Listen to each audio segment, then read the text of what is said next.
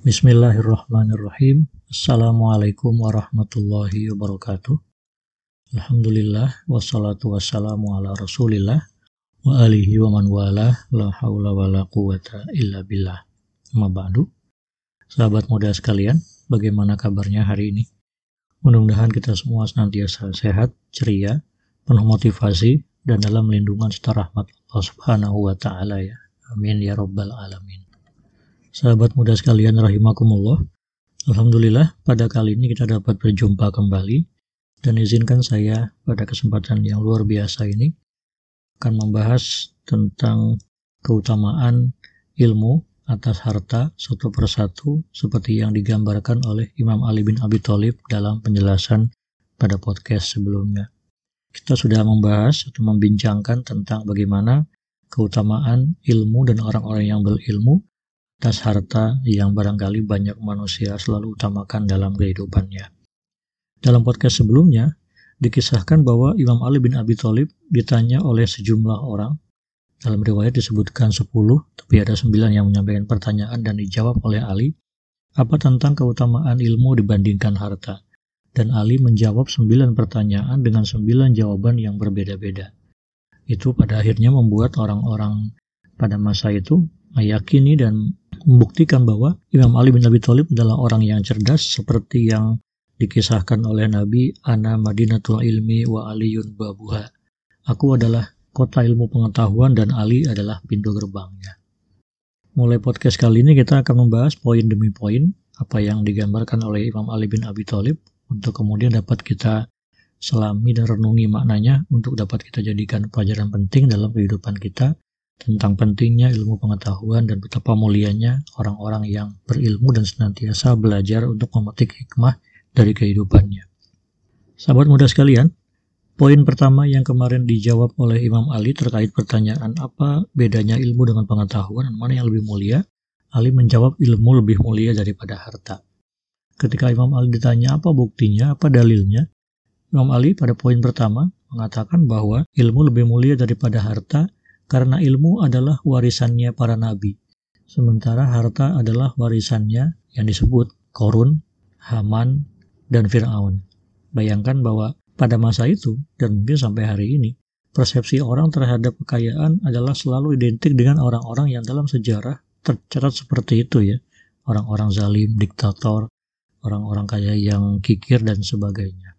Sahabat muda sekalian rahimakumullah, dalam konteks ilmu lebih mulia daripada harta karena ilmu merupakan warisan para nabi, itu tak lepas memang dari beberapa pesan Allah dalam kitab suci bahwa Allah mengajarkan kepada nabi dan rasulnya dua hal. Yang pertama kitab dan hikmah. Kitab dalam hal ini adalah ajaran-ajaran dari Allah yang disampaikan kepada umat lalu kemudian dibukukan dalam bentuk kitab suci. Itulah yang identik dengan kata kitab, yaitu ajaran-ajaran Allah atau wahyu Allah yang disampaikan kepada para nabi untuk kemudian diajarkan kepada umatnya. Dalam konteks ini, ilmu yang pertama adalah berupa ajaran agama atau ajaran kitab suci yang termuat dalam beberapa kitab suci yang pernah ada lalu kemudian diajarkan oleh para nabi dan diwarisi dari generasi ke generasi. Sahabat muda rahimakumullah, Ilmu kedua yang Allah ajarkan kepada para nabi adalah ilmu hikmah. Dalam hal ini memang banyak tafsiran mengenai apa maksud daripada hikmah. Yang jelas yang paling terang adalah bahwa hikmah itu adalah semacam kebijaksanaan.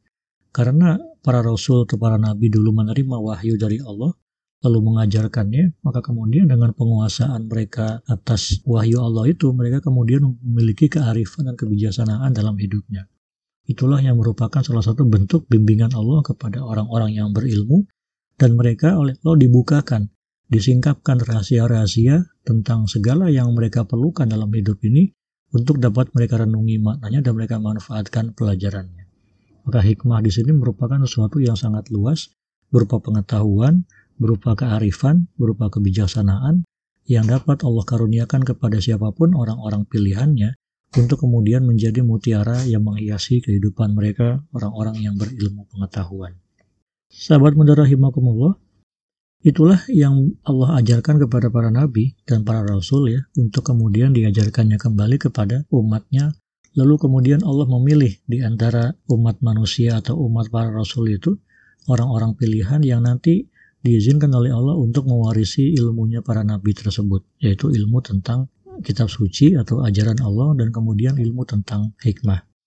Maka orang-orang yang dapat mewarisi ilmu seperti ini atau ilmu agama katakan adalah orang-orang yang sangat istimewa, orang-orang pilihan Allah yang diberi kemampuan untuk menerima, memahami, mengajarkan dan mengembangkan ilmu pengetahuan yang telah diterimanya itu. Dalam konteks yang lebih luas misalnya, ilmu pada masa sekarang tidak hanya terkait dengan ilmu-ilmu agama, tapi juga sains dan sebagainya. Namun demikian Allah punya harapan bahwa orang-orang yang berilmu sesungguhnya adalah orang-orang yang punya warisan ya, yang Allah izinkan untuk mereka terima dari orang-orang pintar sebelumnya, dari para guru-guru mereka, dari orang-orang yang dulu mengajari mereka dan mentransfer ilmu tersebut sampai kepada mereka yang kemudian melanjutkannya dan mengembangkannya di generasi berikutnya. Oleh karena itu, keberadaan para ilmuwan atau para ulama di tengah kehidupan masyarakat adalah orang-orang yang istimewa karena tidak hanya mereka menerima tapi juga akan nanti mewariskan ilmu pengetahuan yang mereka punya kepada murid-murid atau pada generasi mereka untuk dikembangkan di masa selanjutnya. Dalam batasan ini kita bisa melihat bahwa betapa orang-orang yang berilmu itu punya kedudukan dan status yang cukup istimewa di mata manusia maupun di mata Allah Subhanahu wa taala. Dan inilah kenapa Imam Ali punya alasan untuk menyebutkan bahwa ilmu lebih mulia karena ilmu adalah warisannya para nabi. Sekarang kita bisa melihat bahwa ilmu adalah warisannya para cendekiawan, para ulama, para intelektual, yang kalau kita bisa menerima dan memahami serta mentransfernya, kita akan menjadi bagian dari mata rantai orang-orang pintar yang terus mengembangkan ilmu pengetahuan dari masa ke masa. Mudah-mudahan bisa dipahami ya bagaimana istimewanya ilmu pengetahuan dan orang-orang yang Allah beri karunia berupa ilmu tersebut untuk diajarkan kembali kepada orang lain.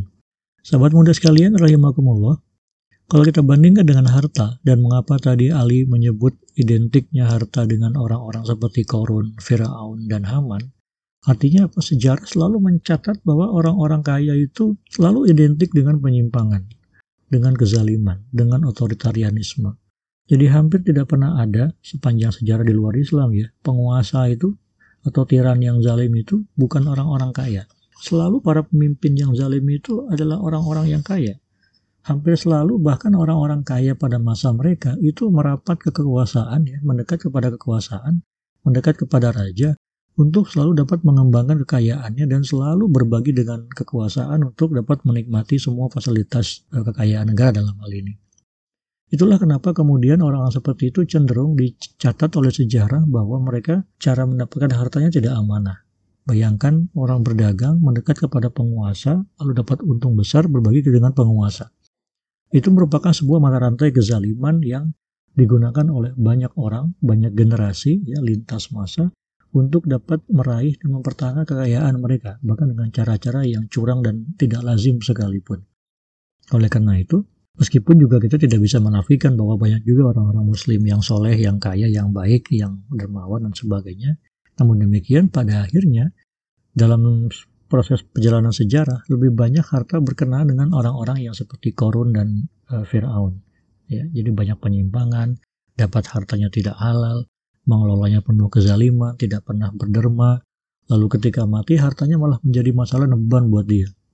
Kalau kita masih ingat kisah Korun ya, bagaimana Allah membelah bumi lalu menenggelamkan. Ya Allah melumat dengan terbuka terbelahnya bumi itu semua harta korun lalu sampai tak tersisa apa pun di atas tanah yang selama ini dia bangun dengan megah dengan begitu jumawa dengan sangat mudah dan kuasanya. Allah membelah bumi lalu menelan semua kekayaan mereka.